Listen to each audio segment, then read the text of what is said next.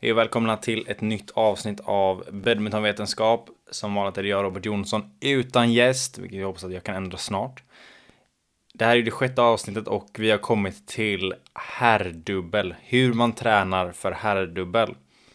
Och eh, det är ett intressant eh, avsnitt med tanke på vad som händer i badmintonvärlden just nu. Med just herrdubbelkategorin med Indonesiens totala dominans i den kategorin. Men också för att det är så olika beroende på vilken typ av spelare man är i ett herrdubbelpar. Du kan ju vara den som är mer i framdelen av planen då är det ju helt annan fysisk karaktär än om du är den som helt enkelt ska smasha eller skapa lägen från basplan. Så det och mycket mer ska vi prata om idag. Så vi kör igång. Först ska jag berätta någonting, eh, inte personligt så, men jag ska berätta om vad som händer i mitt liv, för det kanske är kul att höra om det också. Inte bara om min extrema kunskap om badminton på grund av ett livslångt intresse som resulterat i noll stora titlar för min del. Men mycket kunskap och det är ju alltid kul för mig. Även om jag hellre hade velat ha en titel av ett slag. En medalj kanske. Men jag eh, fick en liten flashback igår till hur det kunde kännas när man verkligen körde på hårt med med eh, badmintonen back in the day liksom. Jag var ute och sprang på morgonen.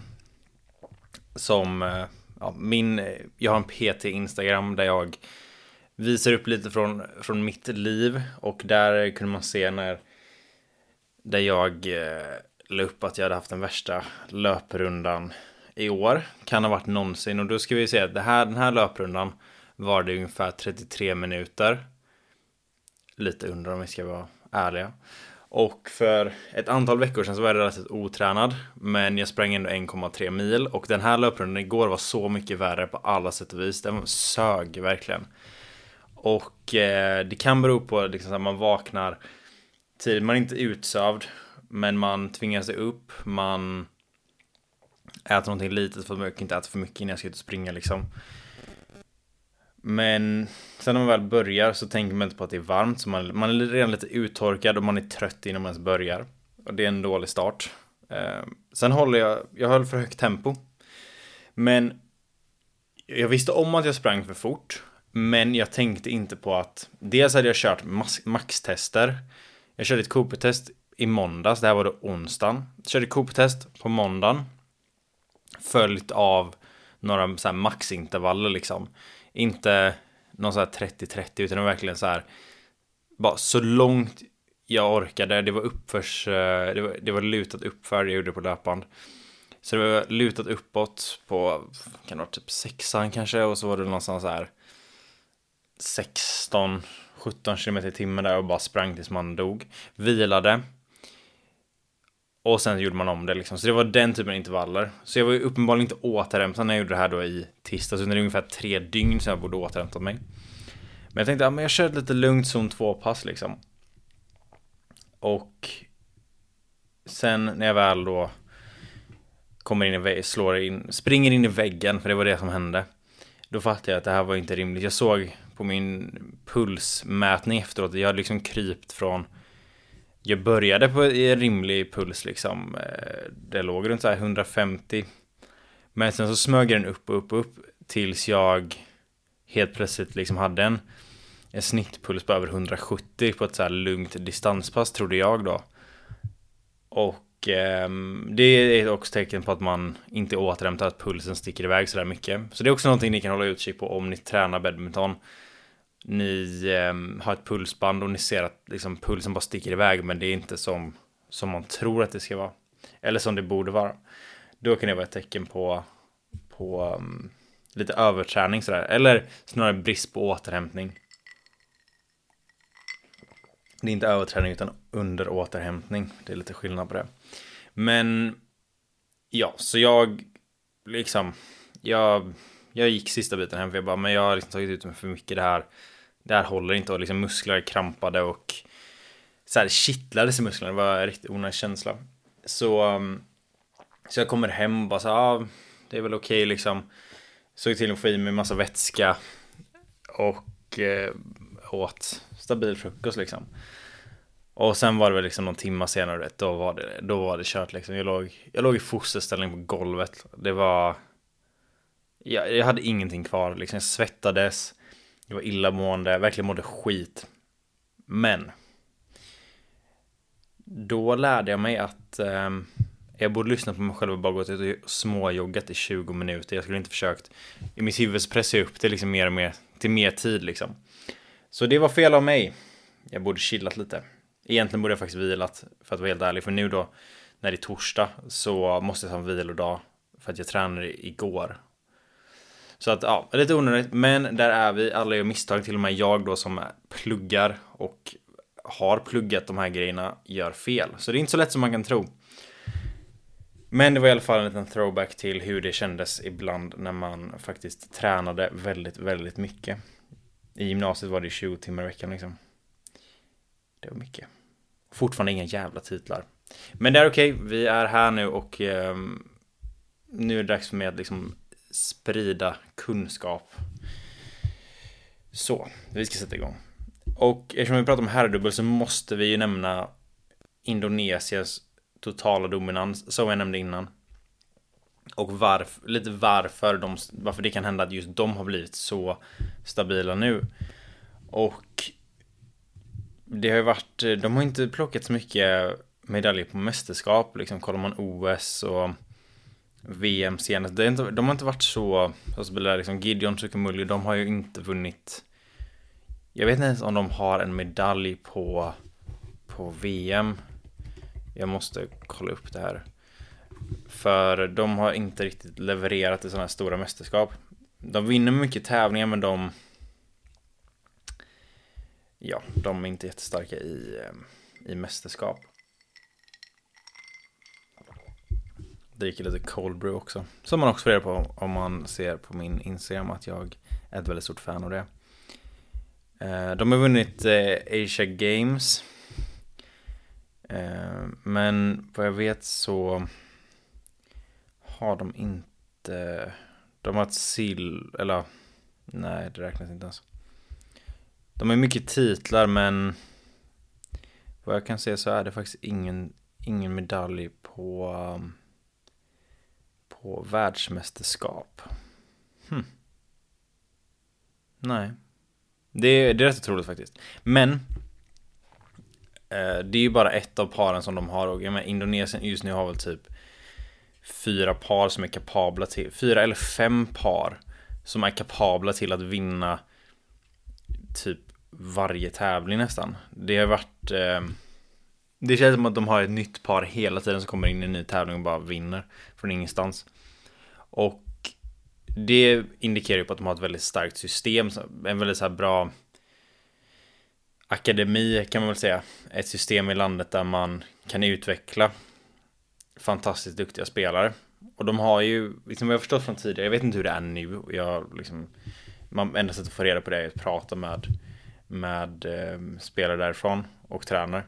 Men att deras filosofi verkar vara liksom mycket det här med eh, känsla, liksom att slå mycket på bollen, är vad jag har sett eh, och hört. Och det märks ju liksom, de har ju väldigt bra teknik och bra känsla, men det, de har ju inte, de har ju sällan det här rena powerspelet som man kunde se från de som vann OS, Li och Yang, eh, Wang Qilin och ja, Li någonting. Ehm, där är de är ett väldigt klassiskt herrdubbelpar med en spelare som är väldigt bra i framplan på att sätta upp eh, läget för att avgöra från, från basplan. Um, och Wang Qilin är ju en... Hans smash är helt otrolig alltså. Uh, det är han och Gui Shem som är mina favoriter när det kommer till till um, herrdubbel faktiskt. Och det är bara för deras smash. Den är otrolig. Sen um, det, jag har, det jag har märkt, eller det som jag tycker är lite tråkigt med herrdubbel nu är att jag såg finalen i Singapore och det var ju liksom typ inga Det var ju typ inga bollar eller Det är eh, serve, serve to tredje slag och sen är det typ över. Eller så blir det lite Det var ju några bollar eller typ tre stycken som var så här riktigt bra. Men annars var det inte det var inte så mycket som hände och till viss del beror det på hur omständigheterna var i den hallen att du från ena sidan kunde man inte lyfta för att bollen bara den flög ut liksom. Det här eh, vinden i hallen gjorde att det var helt omöjligt. Och det var ju inte så skoj att se på. Att eh, de kunde liksom inte driva, de kunde inte lyfta utan det var... Ja, det, det gick inte att spela riktigt. Sen, eh, och det var ju också den indonesisk final om vi säger så. Så man ser ju mycket att, att indoneserna, det ser man i allmänhet, att de är fruktansvärt bra i servicesituation. Serve, servitur, tredje slag. Det är där de, de ger inte bort initiativet. Och det är därför jag upplever att de är så duktiga. För att de har liksom de har racket skills för att klara av det. De kanske inte är det mest fysiska som går upp och bara sänker en smash. Men de har det här liksom de här smarta slagen, luriga slag. Väldigt väldigt, väldigt racket begåvad helt enkelt. Och eh, det är väl någonting de har utvecklat för att till viss del så har det blivit så att de spelar mot andra som också är väldigt duktiga i i de här situationerna och i herrdubbel så vet man att det är de slagen som kommer avgöra matchen. Att eh, när du har, om du har två par som är exakt lika bra, men ett av de här paren eller vi kan till och med ta ett par som är så här, duktiga i offensivt läge, men de är dåliga i servicesituation på liksom servitur och tredje fjärde slag. De kommer förlora med absolut största sannolikhet. Du behöver ha det. Och det är väl någonting som jag upplevde själv att nu när jag gick över till herrdubbel mot slutet av min karriär, vilket jag borde gjort mycket tidigare. Både gått över till herrdubbel och avslutat karriären. Skämt åsido, jag, min kropp hade tackat mig om jag hade avslutat min karriär långt tidigare, men hur som helst, det är inte det vi ska prata om nu. Men där var det just att jag hade behövt träna så mycket mer. Alltså verkligen så mycket mer servicesituation, serve, servitur, tredje slag och fjärde slag. Eh, för det är någonting som som det är, det är viktigt i alla kategorier. Men just i herrdubbel, alltså det är så fruktansvärt viktigt att du kan hålla ner bollen. Speciellt när du kommer upp på den här nivån där de, ett kort lyft till exempel, det det alltså poängen är borta liksom. Det, det är svårt att rädda det. Och det är väl det man ser att just eh, indoneserna är väldigt duktiga på.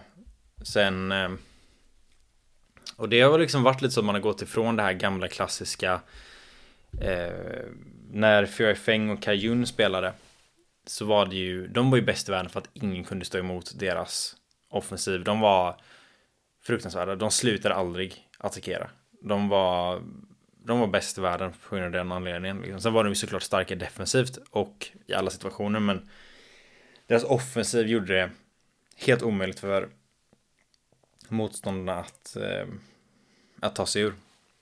Och som det alltid är inom sport så är det att när man har ett par då som blir så duktiga av den anledningen så motreaktionen blir att de andra tränar defensiv för att kontra det.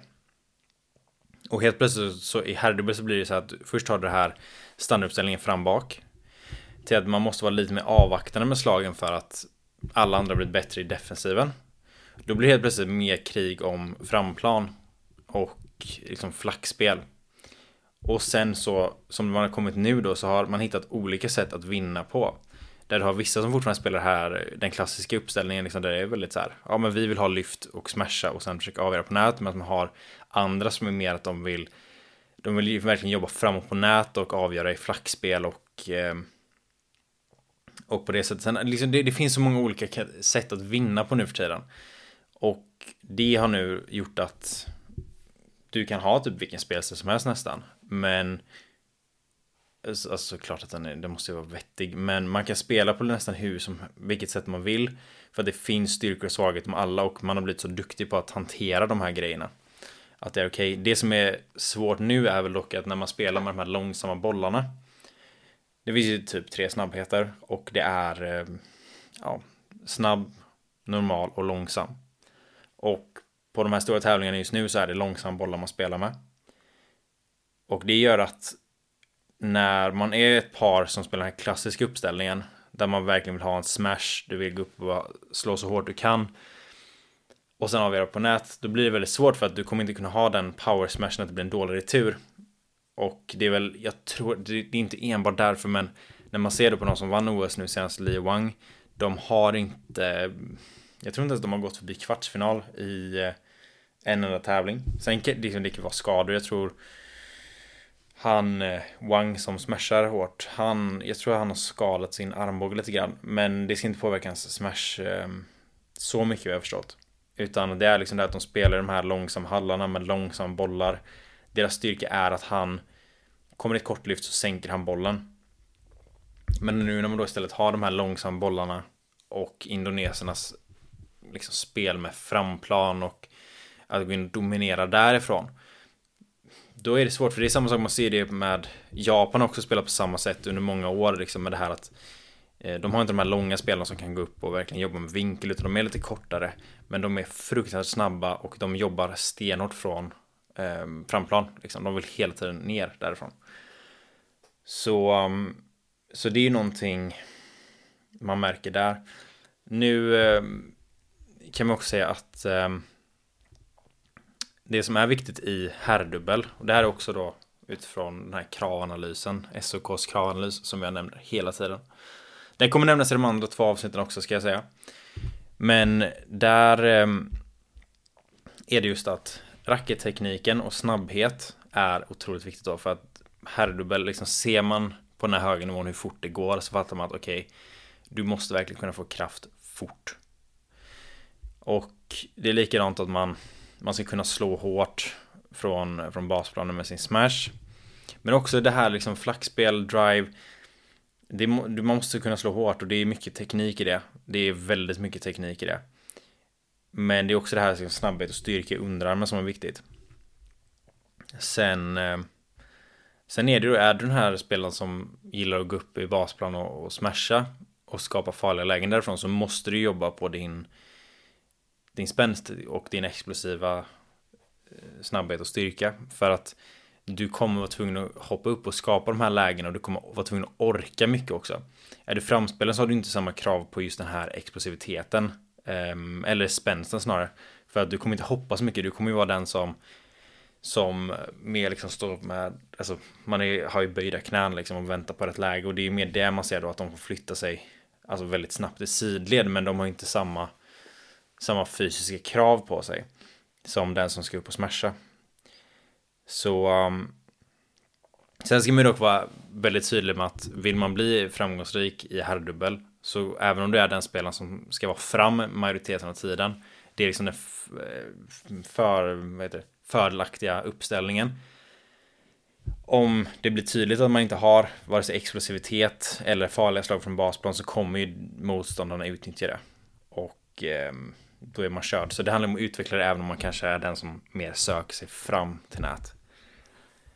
Och eh, just i herrdubbel, man springer ju betydligt mycket kortare sträckor än vad man gör i eh, i eh, herrsingel. Jag tror det är, Jag gjorde någon sån mätning på OS typ att herrsingelspelare sprang typ 1,8 km per match och herr, eller det kanske bara är singel och dubbel i och för sig, inte herr eller dam då, men ungefär från 1,8 kilometer för singelspelare ner till 1,1 kilometer för dubbelspelare.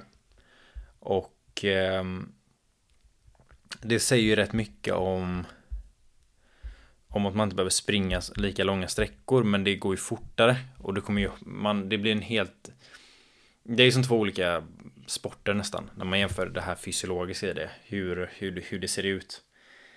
Herrsingel är ju eller båda singelkategorierna är ju mer fysiskt krävande. Så är det.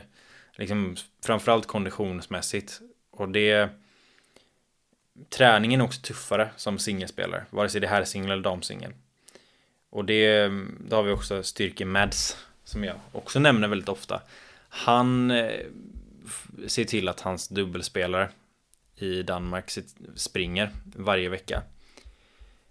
Och eller, de har någon typ av extra konditionsträning inlagd för att deras träning är inte tillräckligt hård. Säger han. Eh, där var det liksom att herrdubbelspelarna tycker själva att det är väldigt hård träning i Danmark men jämför han styrkemästare med hur herrsingelspelarna tränar så är det inte i närheten. Herrsingelspelarna tyckte att deras att herrdubbelspelarnas träning var enkel, liksom inte fysisk. Och därför måste de då träna extra vid sidan av plan. för att kompensera upp för det. Och eh, så är det, jag upplever att det är mycket eh,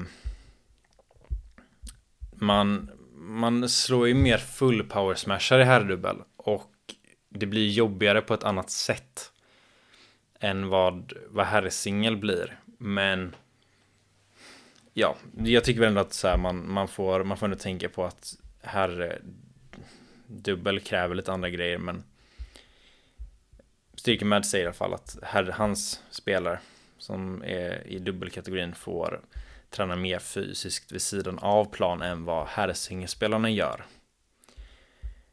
Sen kommer jag inte ihåg exakt vad han sa om spänstträningen där. För att herrsingelspelarna får inte träna spänst vid sidan av plan. Det tror jag inte att herrdubbelspelarna får göra heller faktiskt. Utan det handlar om olika block då som de får, får träna de här grejerna i. Men eh, sen är det ju lite ehm, det är ju svårt att veta exakt hur herrdubbel kommer att förändras i framtiden. Men om du är en, om vi nu utgår så här från att du är en, en herrdubbelspelare i Sverige, liksom. du kan vara rankad lite vad som helst, liksom. det kan vara B-klass, A-klass, elitklass, hög elitklass, låg, liksom det spelar inte så stor roll. Då har man fortfarande de här generella grejerna att utgå från, liksom hur man bör träna. Och jag kommer inte gå in för mycket i hur du ska träna badminton för att det finns liksom tränare som är som har väldigt bra koll på de här grejerna. Men förutom då att verkligen så här, nöta in de här första, andra, tredje slag, fjärde slag också för den delen. Så är det ju otroligt viktigt att jobba på explosivitet. Att se till att du, du kan verkligen hoppa högt, du kan se till att sänka en smash man eh, man behöver inte jobba lika mycket liksom så här, konditionsmässigt så. Men samtidigt så har man ju det här att har du bra kondition, liksom någon gång kommer man nå den här nivån där du spelar en sån riktigt äcklig match där det liksom bollen går inte att sänka och, och man får bara spela hur länge som helst och då vill man ändå ha en bra kondition och samtidigt ju, hö, ju bättre du blir på badminton, ju svårare blir matcherna rent fysiskt och du vill inte liksom ligga efter fysiskt för det. Men jag skulle säga att här är absolut aerob träning jättebra för en eh, här dubbelspelare. Men att lägga lite mer fokus på på det anaeroba och eh, jobba kortare intervaller. Det tror jag kan eh, kan vara fördelaktigt. Sen här är det ju mer en fråga om maxstyrka som du sen då eh, jobbar om till eh, till explosiv styrka. Och vi har ju underarmarna som måste tränas. Det skriver också de i kravanalysen då att just underarmstyrka är så otroligt viktigt för alla drives. Alla, alltså smashen är, det, liksom, det är ju, jag vet inte om man liksom hur mycket man har fått lära sig om om var smashkraften kommer ifrån men det är liksom inte axeln det kommer ifrån om man säger så utan det är från bålen det är säga höft, mage det går ju som en kedja då så du använder ju höften, magen du har axeln din biceps med till viss del men sen är det ju underarmen och fingrarna det är där liksom, det är den kedjan som, som smashen går igenom och just underarmen kommer ju vara viktigt. Speciellt då när det går fort och man bara hinner sticksmasha. För då, då är det svårt att få med hela kroppen. Och då vill du ha en stark underarm som också kan bli explosiv. Och som sagt, i drivesen. Där, där vill du verkligen vara, vara stark. Men det är ju också mycket fingerstyrka man ska tänka på. Liksom, det är inte bara underarm utan... Eller okej, okay, om man ska vara sån. Om man definierar underarmen som allting från under armbågen så ingår ju fingrarna. Och det är viktigt att stärka dem. Men ett bra träningsprogram, för det är liksom, det behöver inte vara att du sitter och curlar en hantel just för, för underarmarna. För det kan vara, om du inte gör det med rätt teknik så kommer det, det kan göra rätt ont i ens eh, handleder. Men kör man marklyft eller någonting där, där du håller skivstången så kommer du jobba greppstyrka inklusive underarmar då. Sen eh, finns det ju många olika sätt att göra det här på liksom. Du får eh, viss, eh, en viss isometrisk träning när du kör dina pull-ups eller när du tränar rygg. marklyft och så vidare. Där du, du måste greppa någonting för att kunna träna någon annan muskel. Sen har vi de mer direkta jobben där du verkligen aktivt och det, det finns såna här eh, vad är de heter ens när man eh, som en sån här grej man, man klämmer ihop bara eh, ser ut som en ja, men typ som det ser ut som en tång nästan som man som, att, som en fjäder då som är motstånd som man sitter och trycker på. Det är ju en typ av direkt träning för fingrar och underarmsstyrka. I badminton så är det mest specifika du kan göra så är det ju driva hårt liksom. Det är ju det mest specifika du kan göra. Sen har man även tyngdrack. Som man kan eh, använda när man tränar flackspel eller defensiv. Och där märker man väldigt fort hur extremt jobbigt det är, men det är ju väldigt bra träning just för att du, du jobbar ju med, med eh, badminton samtidigt som du stärker upp då aktivt din, eh, din underarm. Så det finns ju sådana grejer man kan göra. Och jag tycker väl att det bästa är att, att man har ett träningsprogram som till att du får den här isometriska styrkan från dina marklyft eller när du ska hålla en stång eller hantlar. Du har någonting som är en direkt träning just för greppstyrka och det kan vara sån eh, typ tång som man klämmer ihop. Men sen också att koppla det till, till det badminton specifika med eh, tyngdrack och sen att du släpper det, går över till ett vanligt rack och jobbar med explosivitet då. För tajmingen är lite annorlunda när du har något, något tungt som du jobbar med. Sen om vi pratar mer eh, skadeförebyggande så tycker jag också det är väldigt viktigt att man, man jobbar mycket skugg med en viss rytm. Och vad jag menar med det är att liksom, man kör inte den här skuggen specifikt och du ska bli trött eller mer du ska inte förbättra din kondition direkt eller din spänst utan det här är mer för att optimera din landning. För att när du tränar skugg generellt för herrdubbel så kommer det vara väldigt mycket, liksom, du står inte och typ deffar eh, i skuggen på det sättet utan det, det kan vara att du liksom så här låtsas slå en, en ehm, att du viker undan bollen och sen följer med fram på nät. Det är ju en viss defensiv men generellt så är det med att du jobbar du hoppar ut i, liksom i mixpunkterna eller du är i basplan och hoppar runt där på olika sätt. Men att se till att hitta den här rytmen och landningen så att du inte landar liksom med fel vinkel i knät eller i höften eller någonting utan du verkligen landar på rätt sätt så att du är snabbt på väg in tillbaka. Hitta den rytmen och um, hur din kropp ska vara när du landar för att förflytta dig så effektivt som möjligt. Och det gäller ju samma i, i alla andra kategorier också, att hitta det här det smidiga sättet att förflytta sig på. Men just i herrdubbel tycker jag det är så viktigt att man hittar rätt rytm i det och verkligen hur du ställer upp det direkt efteråt. För att det går fort. Liksom. Man hinner inte tänka på det, man hinner inte reagera så mycket, det måste ske instinktivt. Och att verkligen jobba och hitta den här rytmen och liksom de här landningarna så att det är dels, om man är spelaren som är i basplan mycket, att man inte sliter för mycket på sina leder utan man verkligen hittar det här rätt sätt att landa, rätt sätt att hoppa. Så att man skyddar sig själv på det sättet. Sen är det ju eh, mycket styrk, alltså styrketräning är ju skadeförebyggande. Och det kommer kunna hjälpa till. Sen eh, Sen får man hitta liksom hur man spelar själv. Vad, vad behöver man? Men man kommer aldrig Alltså, eh, det kommer aldrig vara en dålig grej att vara explosiv med en väldigt stark underarm. Det kommer aldrig vara dåligt i herrdubbel. Men fortfarande det här liksom som man ser hos Indonesien nu liksom det här första, andra, tredje, fjärde slag. Det kommer vara det viktigaste. Sen ska man ju vara duktig på att hålla, alltså när spelet väl är igång. Men ni förstår precis vad jag menar. Eh, så se till att förbättra de bitarna. Jobba underarmsstyrka.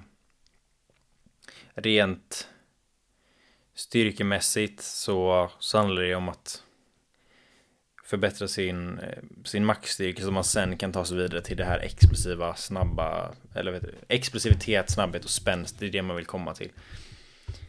Ehm, skuggen som jag pratade om, det handlar mycket om acceleration, deacceleration och rytmen för att hela tiden landa på rätt sätt så att man är ehm, så att man inte tar för mycket tid på sig tillbaka.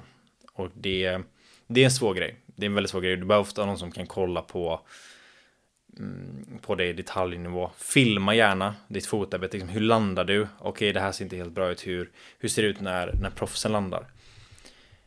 Och eh, när det kommer till konditionen så aerob träning är jättebra. Det här beror lite på vilken del av säsongen man är i. Men fokus bör nog ligga mer på de här korta intervallerna. För det är inte lika eh, lika krävande konditionsmässigt som en singelspelare. Så här är det mer, mer fokus på, på det anaeroba och explosivitet, snabbhet och spänst. Så det var den här genomgången av herrdubbel. Nästa vecka så tar vi och går igenom damdubbel. Sen kommer också mixdubbel då.